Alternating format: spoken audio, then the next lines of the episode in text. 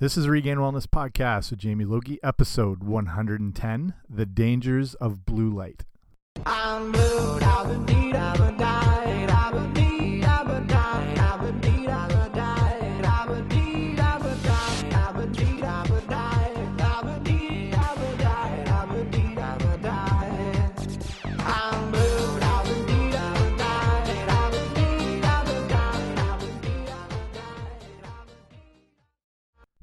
Hey guys, what's happening? Welcome back to the podcast. I'm Jamie Logie. I run regainedwellness.com, and this is the Regained Wellness Podcast of the exact same name. So that works out pretty well. Easy to figure out, easy to find.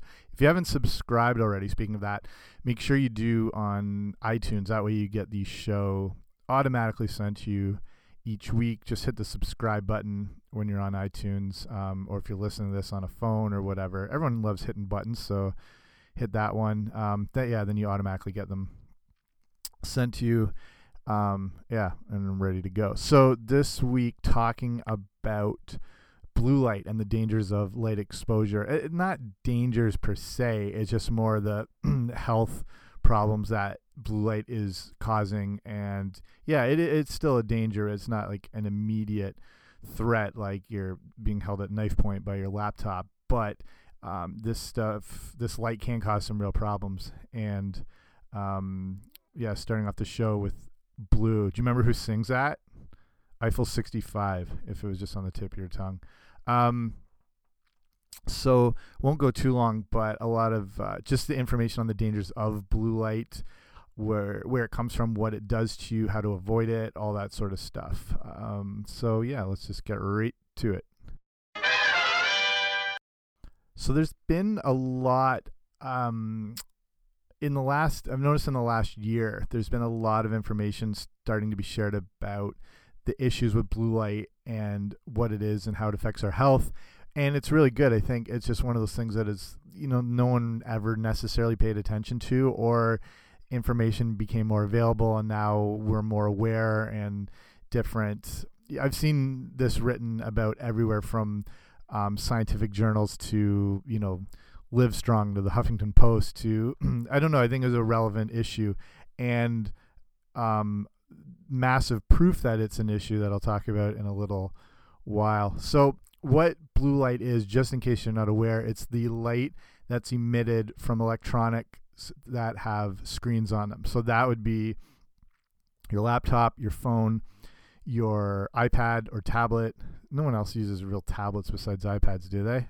Forgive me if you do, but um, your TV as well. It's a certain type of electronic light that is emitted from screen-based electronics. This is different than your, you know, light bulbs in your house, or even different than fluorescent lights. Uh, fluorescent lights are close, but it's not technically an electronic-based light. And the issue with how blue light is different from these electronics is that it actually mimics the sun and sunlight can keep us up longer. And this is the issue that blue light does. It basically um, prevents us from thinking it, it's nighttime. We basically have 24 hour artificial daylight and it comes from these um, electronics and these screens. And if you've ever seen you know in different parts in the north and um, you know up near as you get near the Arctic Circle or the northern parts of Sweden and whatnot, where they have almost a 24-hour daylight issue, how this completely disrupts their sleep patterns. It um, it just it displaces them. It, it their circadian rhythm is completely thrown off. That's what happens from too much sunlight exposure. Sunlight is still good for you, just not chronic long-term sunlight exposure. We need these cycles of the day and so that's the issue when we're talking about the difference with like a light bulb. That's a, a completely different type of light that it emits. And with the blue light from the electronics, it, it has to do with things like, you know, like wavelengths and nanometers and stuff like that. It's basically, it, it starts in ultraviolet light. Um, it has these short wavelengths that run through the visible spectrum of light and then into infrared. So when you have um, in a rainbow, blue light comes after ultraviolet and it has the shortest what they call wavelength of visible light. And this is the same light from the sun and these electronics are mimicking the exact same thing just because of the amount of you know just things like pixels and the backlit source. So completely different from a light bulb which is obviously a softer warmer glow. You're not the the actual issue like it is a blue tint that comes off it that you're not going to notice when you're in say in your living room as you're watching TV or whatnot because then the rest of the room tends to be artificially lit but more by you know tends to be light bulbs even like the halogen type it, it's a, a, little bit of a different glow. And then you probably have um, not an exposed light bulb you have either a lampshade or some sort of covering and that sort of not necessarily filters but softens the glow of it too. So this blue light's coming off like crazy but you don't even know so th the best way to see it i'm sure if you've driven by houses at night um, and their TVs are on, you see that blue glow coming from the house. It's more prominent when you're in a darker spot, but when you're exposed to it, your body doesn't know the difference between that and sunlight. And then that's the whole issue of preventing your sleep and then keeping you up. And then this all has to do basically when it comes down to is your melatonin production. So I'm sure you've heard of melatonin, and it's a pretty popular natural sleep aid, and it's something our body actually makes itself. It's a natural hormone that your body secretes that helps to maintain that weak or sorry wake sleep cycle. You know that circadian rhythm, that balance, and or you might want to call it your biological clock. because It's just when your body knows when to go to sleep and when to get up.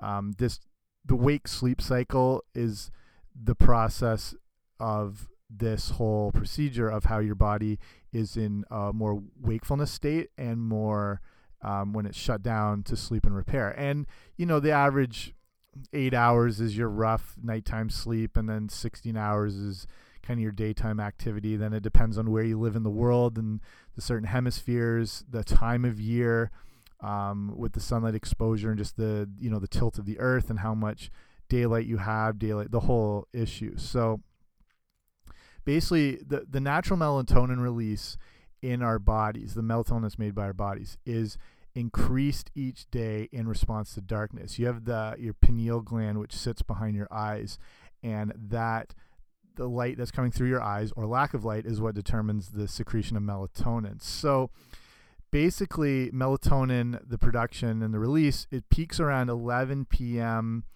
and around 3 a.m and they they measure it in what's called picograms. Um, and the nighttime melatonin hormone levels are basically 10 times higher than in the daytime. The and that's what's helping you sleep, staying asleep and keeping that that wakefulness biological clock running and humming along um, nicely. So the levels fall really sharply before daylight.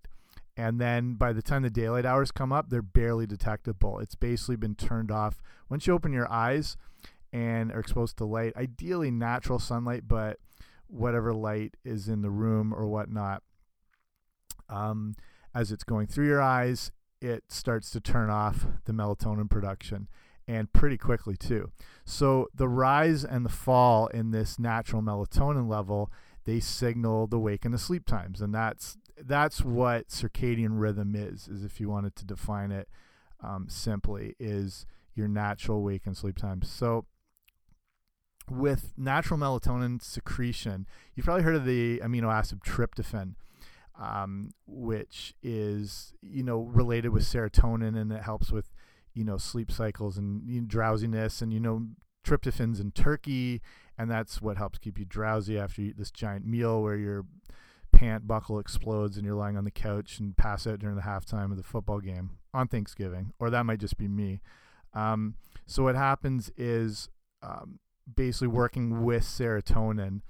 It's uh, the tryptophan is with the melatonin is released to the melatonin receptors in the brain, eye, and other areas to help control the sleep and wake cycles. So all these things sort of work together with melatonin being the key of the whole thing, but tryptophan the amino acid and then serotonin are they all kind of work in a, a combination. So melatonin has also what's called a half life, which is similar with caffeine. I think I was talking about this not long ago. Caffeine, you'll have the you'll feel the effects of caffeine, and you know the obviously alerts, potentially jittery, whatever physical feelings that will last a couple hours, you know, depending on how much you're exposed to it and your tolerance level.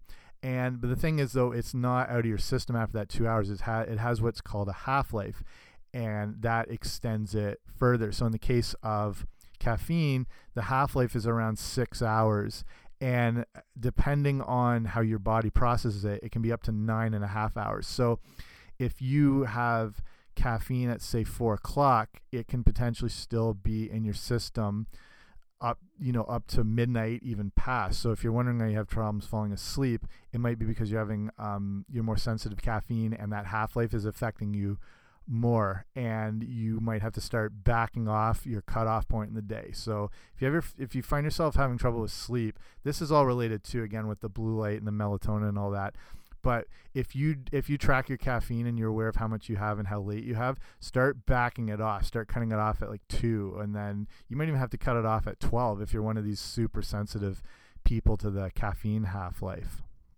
So we're talking about the melatonin half life. It's around roughly 20 to 50 minutes. It goes really quick. It's metabolized in the liver. It comes out through the urine. Um, it's yeah, so it's not you're not going to get those effects of, of a good natural sleep cycle because it's it's gone so fast. So shorter periods of this is interesting of melatonin production occur in the summer. Obviously, you have the longer days. There's more prolonged periods of um, exposure to sunlight. You're outdoors. You're more active, so it's um, not as prominent. And then there's more prolonged periods of production that obviously occur in the winter. So then that comes into the issue of the light during the nighttime from the exposure of the blue light. So not depending on where you live, the sun's going to set even at the latest, you know, in the summer it can it can push maybe 9 30, 10 o'clock. But average, let's just say 8 o'clock. Um, you know, I lived in England for a while. The sun in January would start setting around 3:30, 4 o'clock. It was horrific.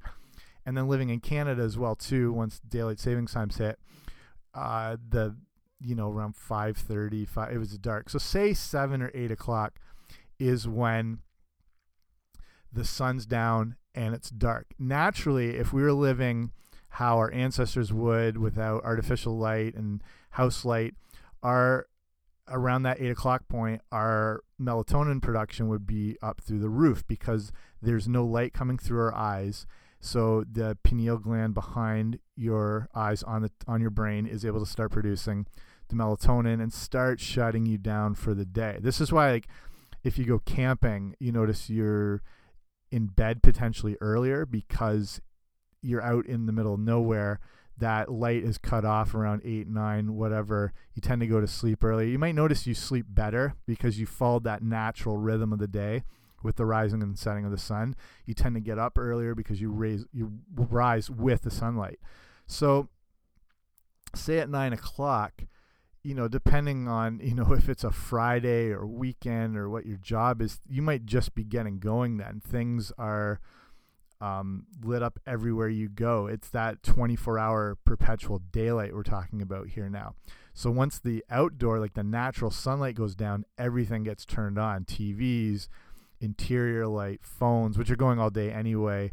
Um, so our bodies still think that sunlight's coming in. So if you're up till, I don't know, midnight and you've had all that constant exposure to the blue light, you've shut down the melatonin production in your brain and you're throwing your sleep cycles completely out of whack. And you've got, you know, now by the time, say, when the sun exposure comes up earlier in the day, um, or you have to be up earlier, you've only had maybe five or six hours where you haven't had exposure to blue light. And this is, you know, being conservative if you're going to bed around 11 or 12. If it's later, you're in a whole other issue there. So, um, and again, like your entire house springs to life later at night. So it's it's like you're outside at 12 o'clock in the afternoon on a July day with the sun just beating down. That's the way your body treats it when your house is just lit up and blue light and TV. And that's the time we tend to watch TV the most. So then the problem is with the electronics is say on old TVs, it would have been a little different. The light they would have emitted was a little bit different because the the TVs had a picture tube and whatever. And now they're all backlit. Um, the lights more electronic digital based. If it's a, if you have a flat screen TV, it's either like an LCD screen or an LED screen, and it's that different type of light. So you know maybe in the coming through the 70s, the 80s, 90s a bit, it wouldn't have been necessarily as bad because you probably had a picture tube based TV, which would still give off a little blue light, but not, as is my understanding, not as bad as um, flat screen TVs today. And then the fact the screen tended to be smaller too. I remember the biggest screen we had was a 27 inch TV and it was mind blowing. I thought we were at the movies when we got that thing in. And now I've got a 55 inch TV, which is better than most um, movie theaters. And that thing's starting to look small already too. So how how spoiled am I when I'm complaining about the size of a 55 inch TV? And then if you're looking back at the 80s and 90s, and as my you know we didn't really have the same technology. Obviously, no smartphones, no iPads, laptops maybe, um, computers maybe, um, depending on the same thing as a different sort of monitor effect that you're you're getting uh, as opposed to like a a flat HD style laptop screen. So the problem is now, you know, as the day winds down, you, you might be watching TV to say 10, 11 o'clock. You will then maybe head to bed. You'll turn off all the natural lights, or sorry, like the the light bulbs and the the room lights. But then if you still have your phone with you or your iPad or your laptop, that blue light is coming in even way more intense because now there's no other light around you.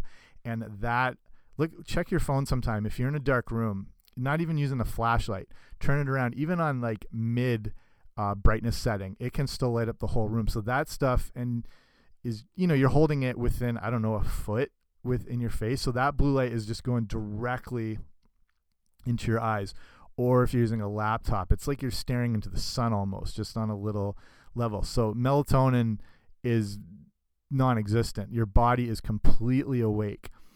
Um, what's happening now is your it has to do with the stress hormone levels as well too. If you're not sleeping, your body doesn't know that you're watching um, you know nine straight episodes of friends on netflix at 12.30 at night or you're on your phone on instagram till whenever. All it knows is you're not asleep and something must be happening to be keeping you awake at this hour because the natural cycle of the day is gone. It's dark out. That's your body knows that's when it should be shutting down and going to sleep. So it just knows it's awake. It doesn't know if it's um, a famine or you're exposed to some sort of environmental trauma or you're being chased by a saber-toothed tiger. It's just basically awake. Your body is now secreting stress hormones, primarily cortisol. And I'm, I'm sure you're familiar with that. That's related, that's your fight or flight hormone, which is very important if you're jumping out of the way of a speeding car or a triceratops is charging at you if you lived in the Paleolithic time. Um, it's amazing because that stuff can save your life. It shuts down not like these stress hormones shut down non-essential functions in the body. They use sugar more efficiently.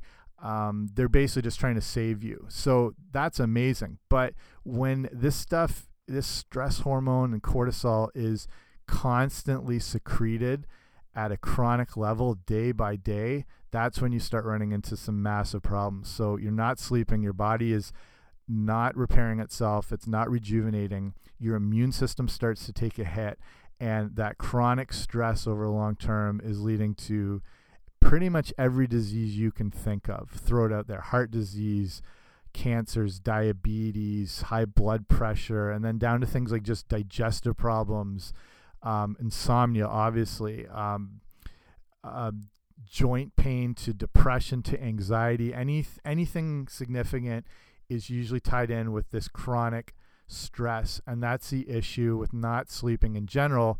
And that's the issue with what blue light is doing. It's keeping us awake and it's throwing off kind of all aspects of your health.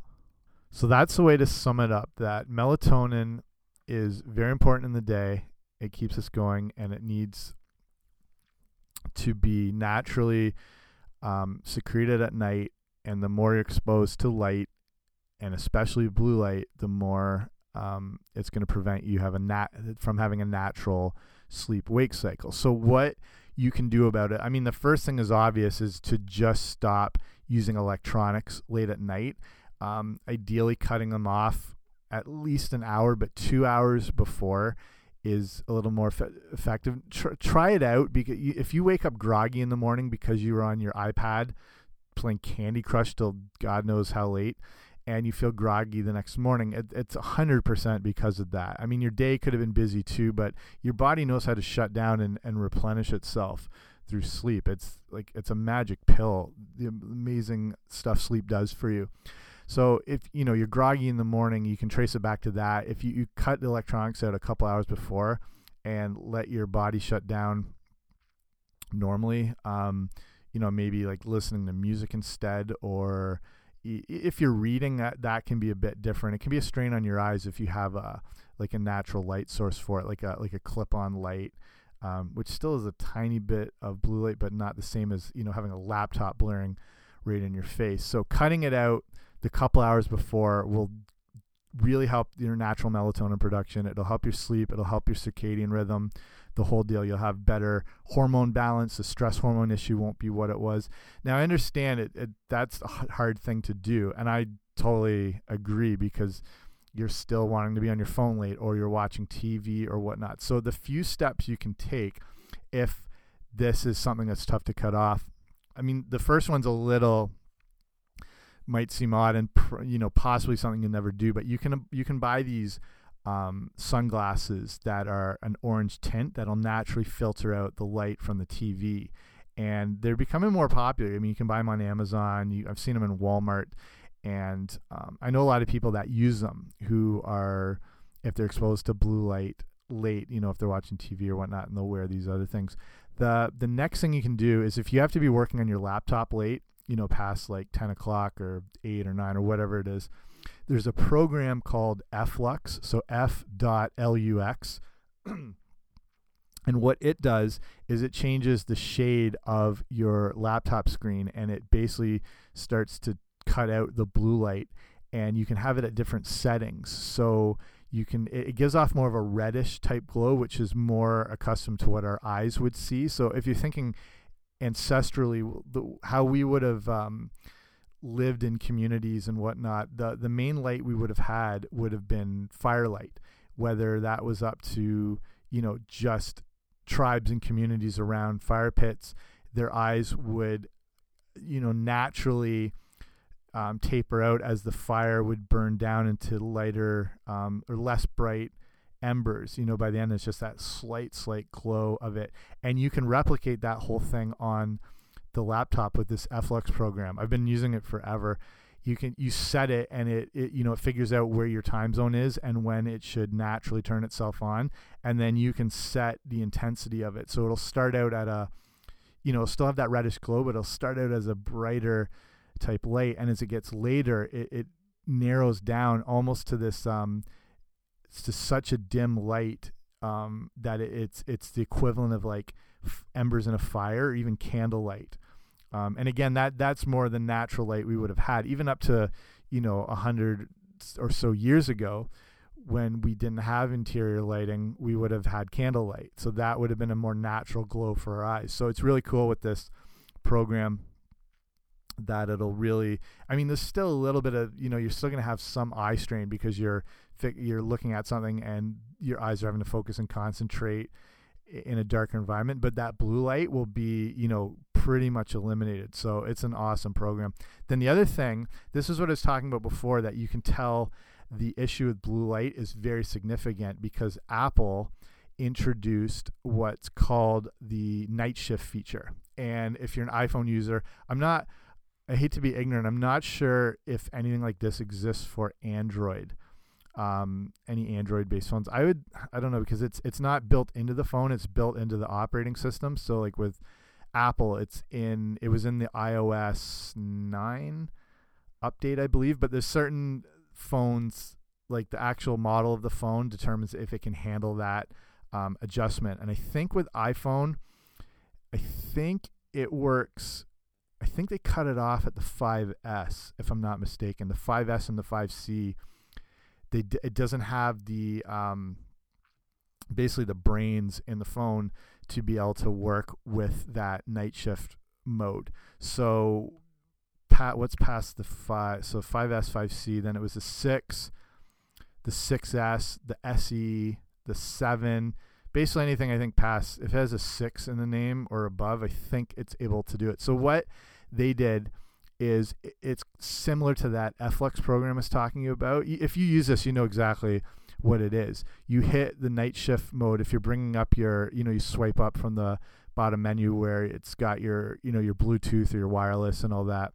And then there's a sun outline that's got kind of like a looks like an eclipse, like black part marked out, and then it says night shift. So you turn that on, and it gives it more of that natural red glow. So if you're using your phone, um, this is not an excuse that you know you can still be on your phone for five hours and it's not going to cause any sleep disruptions, but that it's going to minimize that blue light because of that reddish glow. So you can set it for when you want it to turn on and turn off. So mine's mine comes on at 10 and turns off at 7, which actually I think is the default setting, which is pretty good. So you don't really have to do too much. And then you can just change your normal brightness back and forth.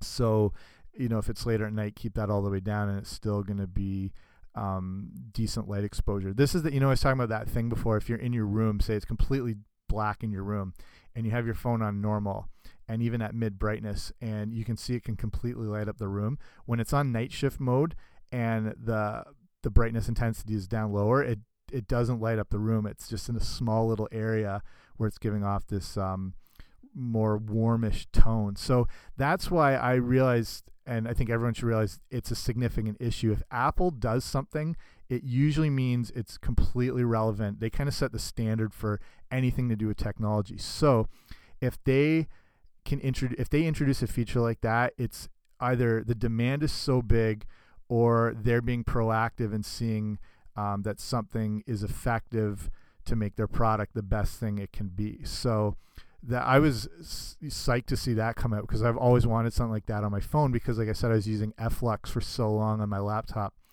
Um, so awesome to see that. Again, I'm so if you know, write to me and share if uh, Android is doing this too. I'm at info at regainedwellness.com. I'll probably look into this after, but because I've been using iPhone for a while, I'm more aware of that. So I'm not sure what their whole thing is with that.